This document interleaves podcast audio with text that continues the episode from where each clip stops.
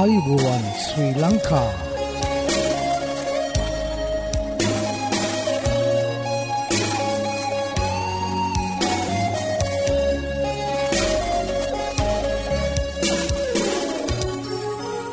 ඔබට සුපදවස මේ Adventist world radio බලාපොරොත්වය හඬ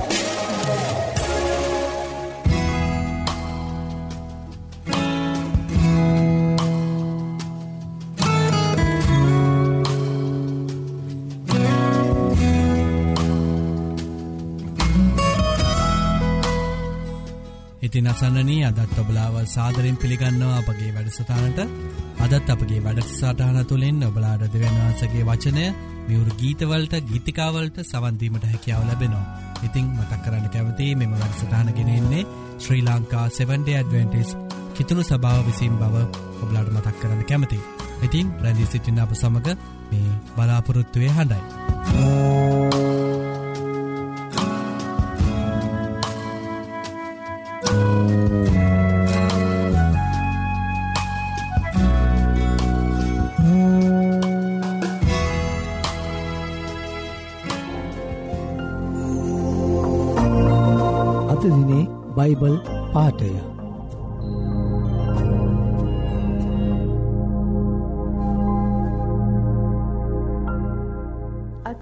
බයිබල් පාටය ශුද්ධ වූ මතය උපොතේ හයවැනි පරිච්චේදේ දහ නම වන පදය. පොළවෙහි නුඹලාට වස්තු රැස් කර නොතබන්න.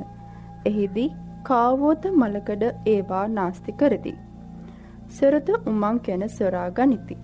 නමුත් ස්වර්ගෙහි නුඹලාට වස්තු රැස්කර තබා ගන්න. එහිදී කාවෝවත් මලකඩවත් ඒවා නාස්තින කරති. සොරු උමං කැන සොරා නොගනිති. මක්නිසාද නුඹේ වස්තුව යම් තැනෙකිද නුබේ සිතත් එතෙන හිම වන්නේය. ආමෙන්.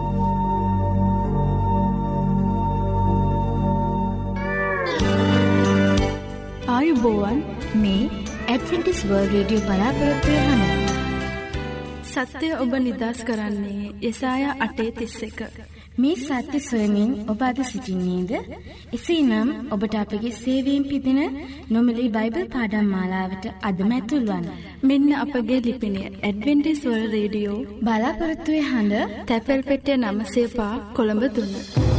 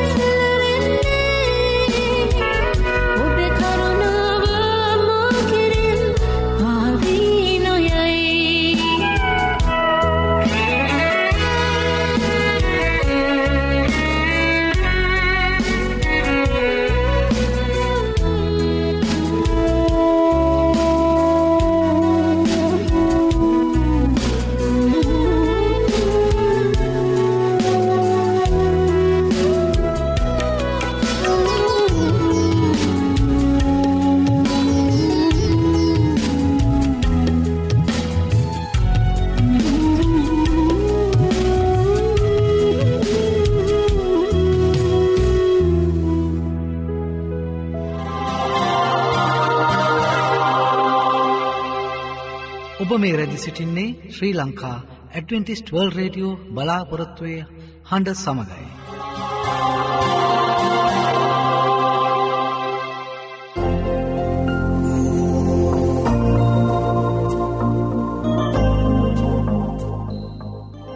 ඉතින් හිතවත හිතවතිය දැන් ඔබට ආරාධනා කරනවා අපහා එකතු වෙන්න කියලා අද දවසේ ධර්ම දේශනාවට සවන් දෙන්න. අද ඔබට ධර්ම දේශනාව ගෙනෙන්නේ හැරල් ෆිනෑන්ඩ් දේවකතුමා විසින්. ඉතින් එකතු වෙන්න මේ බලාපොරොත්තුවය හඬට.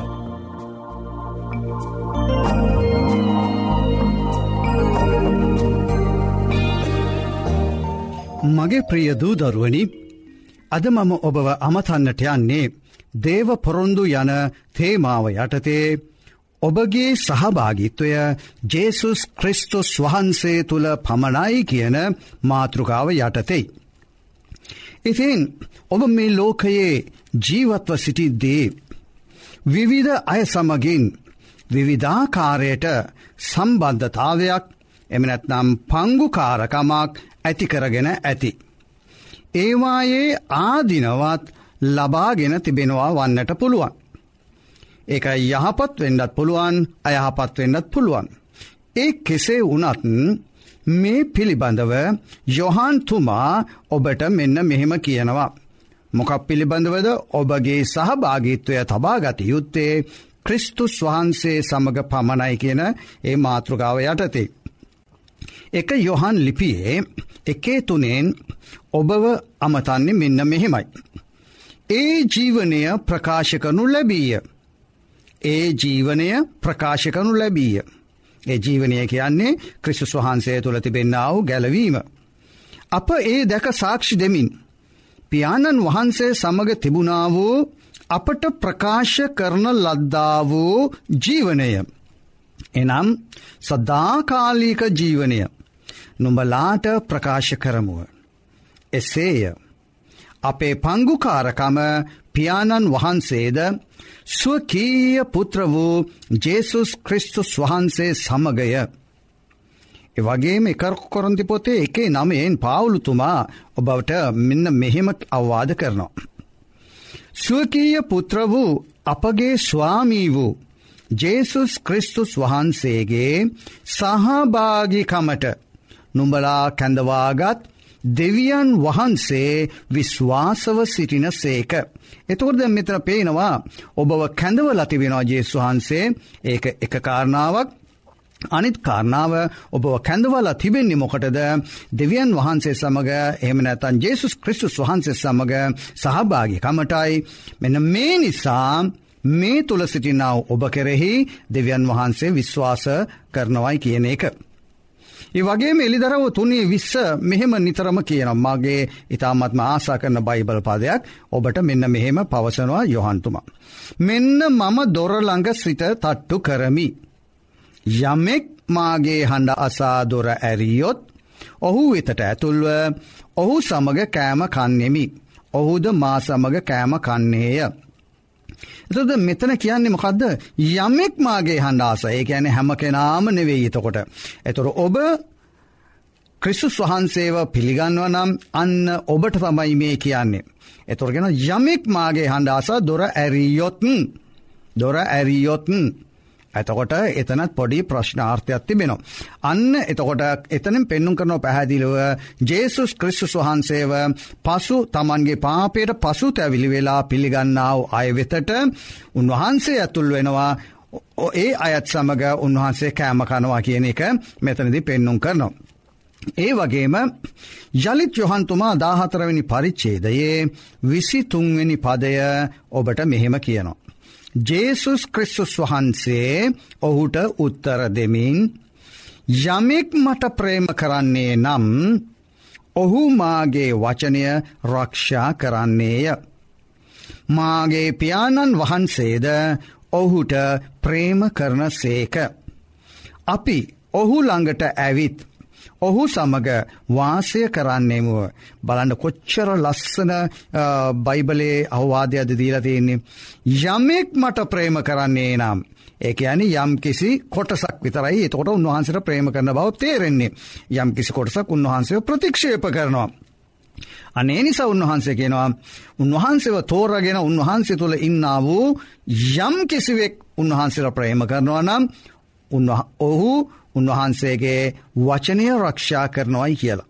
එතකොට අපි දේව වචනය කියවන්නට ඕන දේව වචනය තමයි සඳහන් වෙන්න උන්වහන්සේගේ වචනය එය අපි ආරක්ෂා කරන්න ඕන ඒකට කීකරු වෙන්නට ඕන. ඊට පස්සේ කියනවා සෙකරයා මෙන්න මෙහෙම එයාගේ පනිවිඩය දෙමින් දෙවිනි පරිච්චේදේ දහවිනි පදෙන්. සියොන් දිවනියනි. ගී කියා ප්‍රීතිවන්න. මක්නිසාද මම ඇවිත් නුඹ තුළෙහි වාසය කරන්න මේ ස්වාමින් වහන්සේ කියන සේක. මෙතනදී සියොන් දුවනියනී කියලා කිව්වට සියලූම ජනතාවට තමයි මේක කියන්නේ. මෙතනදි කිනවා ගී කියා ප්‍රීතිවෙන්න. ගී කියලා කියන්නේ ස්වාමින් වහන්සේ ගෞරවය සඳහා ගීතික. එතකොට ඇයි එහෙම කියන්නේ ඔබ තුළ ස්වාමින් වහන්සේ වාසය කරන නිසා කියන එක කියනවා. එතොට ස්වාමින් වහන්සේ ඔබ තුළ වාසය කරන්නට නම් ඔබගේ සිත නැමති දොරටුව ඔබ ස්වාමින් වහන්සේට විවෘත කරලා දෙන්නට ඕන. එසේ නම් ඔබ දෙවියන් වහන්සේගේ වචනය ඉගෙනගෙන උන්වහන්සේගේ වචනයට කීකරුවන්නට ඕන. අනේ විට තමයි මේ දේ සිද්ධ වෙන්නේ. ඒ වගේම මතයව සුභාරංචියයේ දහටේ විස්සේ මෙන්න මෙහෙම සඳහන් කරනවා. මක් නිසාද දෙදෙනෙක් හෝ තුන් දෙනෙක් හෝ. මාගේ නාමයෙන් යම් තැනක රැස්ව සිටිත් නම් මම එතැන ඔවුන් බැඳ සිටිමේ කීසේක.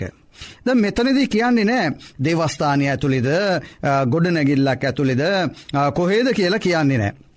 මෙතනදි කියන්නේ මොකක්ද දෙදෙනෙක් හෝ තුන්දිනෙක් හෝ මාගේනාමෙන් යම් තැනක රස්ව සිටිනවා නම්. එකැනෙ ක්‍රිස්තුස් වහන්සේ තුළ එක් සත්ව එක්කමුතුව එක් සිත්ව ඉන්නවා නම් අන්න එතනදී උන්වහන්සේ අපි සමඟ සිටිනවා කියන එක ඔබ සමඟ සිටිනවා කියන එකයි. මෙන මේ නිසා සෑම අවස්ථාවකදීම ස්වාමින් වහන්සේගේ වචනය ඉගෙනගෙන අපි උන්වහන්සේ සම්මග සම්බන්ධකම සම්බන්ධතාවේ තියාගන්නට ඕන. ඒ අතරතුරේ ජොහන් දාහත්තරේ විසි එක මෙන්න මෙහෙම පහදා දෙනවා. යමෙක් මාගේ ආඥා පිළියාරගෙන රක්ෂා කෙරේද මට ප්‍රේම කරන්නේ ඔහුය. මට ප්‍රේම කරන්නා මාගේ පියාණන් විසයෙන් ප්‍රේම කරනු ලබන්නේය. මමද ඔහුට ප්‍රේමකොට ඔහුට ප්‍රකාශ වන්නෙමයි කී සේක. යොහන් තුමාම යොහන් පොතේ පහල ඔස්වනි පරිච්චේදේ හතරේ ඉඳං හතට මෙන්න මෙහෙම කියනවා. මා තුළ පැවතියල්ලා. මමත් නුම්ඹලා තුළ පවතින්නෙමි. අත්ත මිදිවැලෙහි නොපවතිී නම් තනියම පලදරන්නට බැරුවාක් මෙන් නුඹලා මාතුලෙහි නොපවතිව් නම් පල දරන්ට නොඹලාට බැරිය. මිදිවැල මමය නුඹලා එහි අතුය. යමෙක් මා තුළෙහි පවතින්නේද මම ඔහු තුළෙහි පවතිම්ද ඒ තැනැත්තේ බොහෝ පලදරයි. මක්නිසාද මාගෙන් වෙන්වී කිසිවක් කරන්ට නුඹලාට බැරිය. යමෙක් මා තුළෙහි නොපවතිී නම් ඔහු අත්තක්මෙන් පිටත දමනු ලැබ වියලී යයි. ඒවා එක්කොට ගින්නට දමනු ලැබී. ඒවා දාලා යන්නේය දාලා යනොයි ගැන පිච් පිළිසිලා යනවා.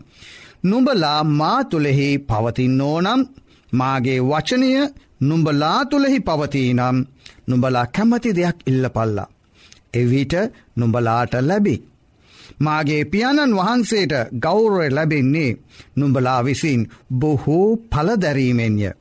මෙසේ නුඹලා මාගේ ගෝලයෝ වන්න හොය බලන්න මෙතනෙදි ජෙස් වහන්සේ කියනවා ඔබත් මමත් අපි සියල්ලෝම උන්වහන්සේගේ ගෝලයෝ වන්නේ කොයි ආකාරයෙන්ද කියලා එහෙනම් අපි පලදැරිය යුතුයි. අපි පල්ල දරන්නට නම් අපි උන්වහන්සේ තුළ ජීවත්වය යුතුයි. උන්වහන්සේ මිදි වැලනම් අපි ඒ මිදි වැලට සම්බන්ධ විච්ච අතුවගේ විය යුතුයි. එහෙම නැතුව යම්කිසි ස්ථානකට ගියයි කියලා. යම් කිසි මුදලක් දුන්නයි කියලා යම් කිසි කොඩනගෙල්ලක් ඇදවයි කියලා යම් කිසි සත්කර්ම නෑ මගේ ප්‍රිය සහෝදරෝර්ණි. මේ දේව වචනය කියන්නේ නුඹලා මාගේ ගෝලයෝ වන්නේ බොහෝ පලදැරීමෙන්. බොහෝ පල දරන්න නම් උන්වහන්සේගේ වචනය අප තුළෙහි තියෙන්න්නට ඕන අපි උන්වහන්සේට කීකරුව උන්වහන්සේව ගෞරවෙන් ගෞරුවයට පත් කරන්නට ඕන විශ්වාසවන්තව. නැතුව වෙන කිසිම්ම ලෞකික දෙකින් නෙවෙයි. නීතියෙන් ව්‍යවස්ථාවෙන් මුදල්වලින් ඔවගත්කමින් මෑ මේ කිසිම දෙකින් නෙවෙයි. ජේසුස් වහන්සේ තුළ ජීවත්වීමෙන් පමණයි. ඒ වගේම පිළිප්පි පොතේ දෙකේ එක සහ දෙක මෙන්න මෙහෙම කියනවා. ඉතින් ජේසුස් ක්‍රිස්තුස් වහන්සේ තුළ යම් අස්වැසිල්ලක් ඇත්නම්. ප්‍රේමයේ යම් අස්වැසිල්ලක් ඇත්නම්. ආත්මයණන් වහන්සේගේ යම් පංගුකාරකමක් ඇත්නම්. යම් ආදරයක් සහ දයාබරකමක් ඇත්නම්. නොඹලා එක ප්‍රේමය ඇතිව එකංගව සිට එක කාරණයම අභිප්‍රාය කරගෙන එක් සිත්ව සිටීමෙන් මාගේ ප්‍රීතිය සම්පූර්ණ කරපල්ලා. දැම් බලන්ඩ අපි ස්වාමින් වහන්සේ ප්‍රසන්න කරන්නට අපගේ ජීවිත අපගේ ශරීර ප්‍රසන්න යාගයක් කොට බාර දෙන්නට තමයි අපි හැම වෙලාම උත්සාහවන්ත වෙන්න. එතවට උන්වහන්සේව ප්‍රීති සන්තෝස වෙනවාගෙන උන්වහන්සේ ප්‍රීති සන්තෝස කරන්න නම් අපි මොකක්ද කරන්නට ඕනයි කියන එක මෙතන මේ බයිබල් පදය කියනවා නේද. අපි ශුද්ධහත්මයණන් වහන්සේ තුළ එක් සිත්ව එකම කාරණයක් අභිප්‍රාව කරගෙන අපි ජීවත්වය යුතු තිබෙන උන්වහන්සේ තුළ. ඒ කාරණාව තමයි ස්වාමින් වහන්සේ වෙනුවෙන් මම ජීවත් වන්නේ කොසේද. මම කියනෙක් කෙනා කොහොමද තවත් කෙනෙක ස්වාමින් වහන්සේ වෙතර ගෙනෙන්නේ. මෙන්න මේ කාරණා තමයි උන්වහන්සේ තුළ අපට අවශ්‍ය වෙන්නේ. එතකොට තමයි උන්වහන්සේ තුළ අපට ප්‍රීතිය සම්පූර්ණ කරන්නට පුළුවන්කම තිබෙන්නේ. ගීතාවලි එකසිය දහනමේ හැටතුනෙන් මෙන්න මෙහෙම කියනවා. ඔබ මම ඔබ කෙරෙහි භය ඇති සියල්ලන්ගේද ඔබගේ නියෝග පවත්වන්නන්ගේද සමාගම්කාරයෙක් වෙමි. එපිසවරුන්ට පවුලතුමාලියන් ලද හසුන් පතේ එපිස පහේ දෙක සහ දහනමය තිහ මෙන්න මෙහෙම කියනවා. මේ බයිබල් පද තුනම. ක්‍රිස්තුස් වහන්සේ නුඹලාට ප්‍රේමකොට මිහිරි සුවඳක් පිණිස දෙවියන් වහන්සේට පූචාවක්ද. යාගයක්ද කොට. අප වෙනුවට ද මෙතන අප කියලා ඉදේ වචනය සඳහන් වෙන මෙතැට ඔබ කියලතිය දාගත්තොත් එම නැත මම කියලා දාගත්තොත් මම වෙනුවට තමන්ම පාවා දුන්නාක් මෙන්ම නුඹලාත් ප්‍රේමීන් හැසිරියල්ලා මතකතියාගන්න ජෙසුස් වහන්සේ කොච්චර ප්‍රේමීන් හැසුරුනාද අන්න ඒ ප්‍රේමය අපි තුළ තිබෙනවනම් පමණයි අපට ස්වාමින් වහන්සේ සමඟ සම්බන්ධතාවේ තබාගන්නට පුළුවන් කමති වෙන්නේ. ඉට පස්සගෙන නමුත් ආත්මයණන්ගෙන් පූර්ණ වී ගීතිකාවලින්ද කවිවලින්ද ආත්මික ගීවලින්ද එකින් එකාට කතහකොට. නුඹලාගේ සිත්වලින් ස්වාමින් වහන්සේට ගායනාද ගීතිකාද කරමින් අපගේ ස්වාමී වූ ජේසුස් ක්‍රිස්තුස් වහන්සේගේ නාමයෙන් සියලු දේ ගැන. පිය වූ දෙවියන් වහන්සේට නිතරම ස්තුති කරන්න කියලා සඳහන් වෙනවා. ද මේ මෙතන මේ මනුෂ්‍ය ඉගැන්වීමක් මෙතර සඳහන් වෙලා නෑ. සභාවක හෝ යම්කිසි කණ්ඩායමක හෝ සමාගමක හෝ නීතියක් රීතියක් මෙතන සඳහන් වෙලා නෑ. ඔබට ලස්සට පේනවා ස්වාමින් වහන්සේ තුළ ප්‍රේමයෙන් යුක්තව ප්‍රේමයෙන් යුක්තව අපි ස්වාමින් වහන්සේ තුළ ජීවත්වෙන්ට ඕනයි කියන එක. ඒ වගේම අපි උන්වහන්සේගේ ශරීරයේ අවයවයෝය අවසාන වසයෙන් යොහන්තුමා පවසන දේ බලමු එක යොහන් පොත එකේ පහහිදං හතර මෙන්න මෙහෙම කියනවා. අප විසින් අප විසින් ද මේ අප කියන තැනට ඔබ හිතේතියාගෙන මා විසින් කියලා. මා විසින් උන්වහන්සේගෙන් අසා තිබෙන්න්නා වූ නුඹලාට දන්වන්නා වූ පනිවිඩිය නම් ද මමත් ඔබට දෙන පනිවිඩිය මෙන්න මේකයි. දෙවියන් වහන්සේ ආලෝකය බවත් උන්වහන්සේ තුළ කිසිම අන්දකාරයක් නැති බවත්ය.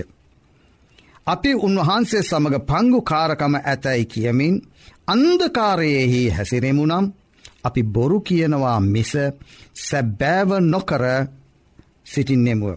නමුත් උන්වහන්සේ ආලෝකෙහි සිරින්නා සේම අපිත් ආලෝකෙහි හැසිරෙමුන් නම් අපට එකිනෙක සමග පංගුකාරකම ඇත්තේය. උන්වහන්සේගේ පුත්‍ර වූ ජේසුස් ක්‍රිස්තුස් වහන්සේගේ ලේද සියලු පාපවලින් අප පවිත්‍ර කරන්නේය. මෙතනදි මම කියන්න ආසයි මෙන්න මෙහෙම. උන්වහන්සගේ පුත්‍ර වූ ජෙසුස් ක්‍රිස්තුස් වහන්සේගේ ලේද සියලු පාපවලින් මාව පවිත්‍ර කරන්නේය කියලා. මගේ ප්‍රිය දරුවනී අපගේ පාපයෙන් අපගේ දුර්වලකාමින් අපි පවිත්‍රවෙන්නට නම් ජේසුස් ක්‍රිස්තුස් වහන්සේ සමඟ සහභාගිත්වය තබාගත යුතුයි. උන්වහන්සේ සමඟ සම්බන්ධතාවය තබාගත යුතුයි. තව බොහෝ බයිබල් පදෝබට ඉදිරිපත් කරන්න පුළුවන් වුණත් කාලවේලා වනුව අදට මං මෙතරින් නිශ්ශබ්ද වෙනවා.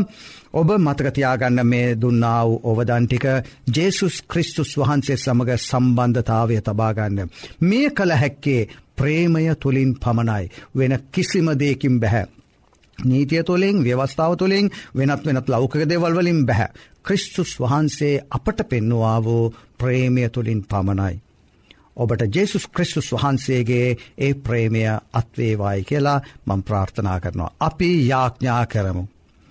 ස්වර්ගේ වැඩ සිටින අපගේ මහෝත්තම උතුම් දෙවිපාණනී. ඔබවහන්සේ අපගේ දුර්වලකම දැකලා අපගේ අපවිත්‍රකම දැකලා ඔබගේ ඒක චාතක පුත්‍ර වූ ජේසුස් ක්‍රිස්තුස් වහන්සේව අප වෙනුවෙන් මේ ලෝකයට පූචාවක් වෙන් එවූ නිසා ස්තුතිවන්ත වෙනවා. ජේසු සමින්ධානනී ඔබ වහන්සේ මගේ ගැලවුම් කාරයානෝය මගේ මිත්‍රයානෝය. ඔබ වහන්සේ මගේ මිදුම් කරුවානෝය ඔබහන්සේයි මගේ පාපයට සමාව දෙන්නට මේ ලෝකෙට ආවී. ඔබ වහන්සේට පමණයි මාව මගේ වර්ධකාරකමෙන් මුදවා ගන්නට පුළුවන් කමති බෙන්නේ ඒ නිසා පල්මිුවෙන් වහන්සේ මාව භාරාරගෙන මාව පිරිසිදු කරන්න.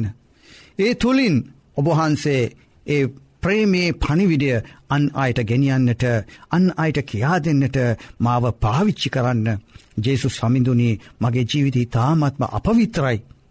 අපිරිසිදුයි ඔබ වහන්සේ ඒ ජීවිතය මගේ චරිතය පිරිසිදු කරන්න ඔබට මම භාරවන්නෙමි. ජේසුස් ක්‍රිස්තුස් වහන්සේගේ නාමින් ඉල්ලා සිටිමේ ආමේෙන්. සත්‍යය ඔබ නිදස් කරන්නේ යසාය අටේ තිස්ස එක. මේ සත්‍ය සොයමින් ඔබ අද සිසිින්නේද.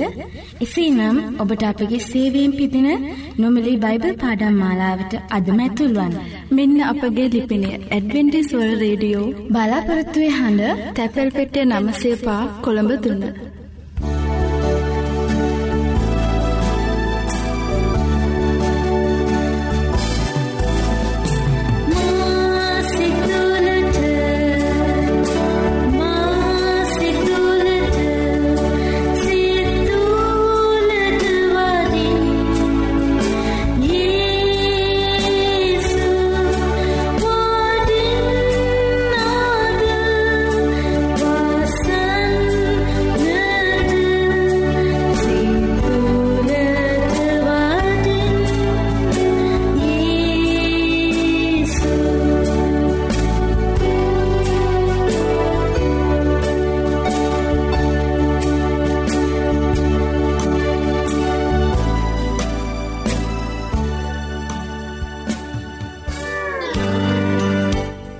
දුන්න.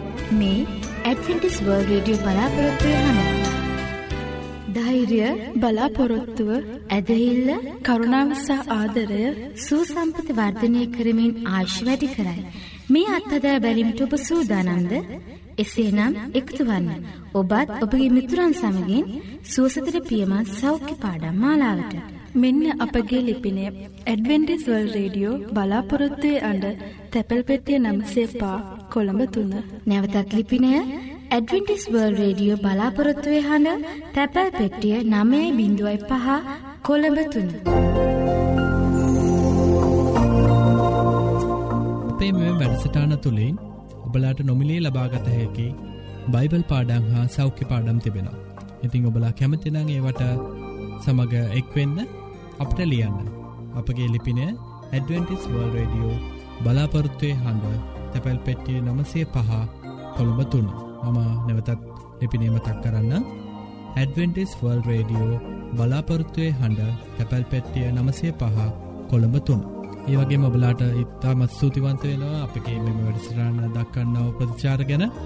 අපට ලියන්න අපගේ මේ වැඩසටාන් සාර්ථය කර ගැනීමට බලාගේ අදහස් හා යෝජනාවට අවශ්‍ය අදත් අපගේ වැඩසටානය නිමාව කරාලඟාව තිබෙනවා. ඉතිං පුරා අඩහෝරාව කාලයක් අප සමඟ රැඳී සිටිය ඔබට සෝතිවන්ත වෙන අතර හෙටදිනියත් සුපුරෝධ පරිති සුපුරෘධ වෙලාවට හමුවීමට බලාපොරොත්තුවයෙන් සමුගන්නාමා ක්‍රස්තිය එකනායක. ඔබට දෙවියන් වහන්සේකි ආශිර්වාදය කරනාව හිමියේවා.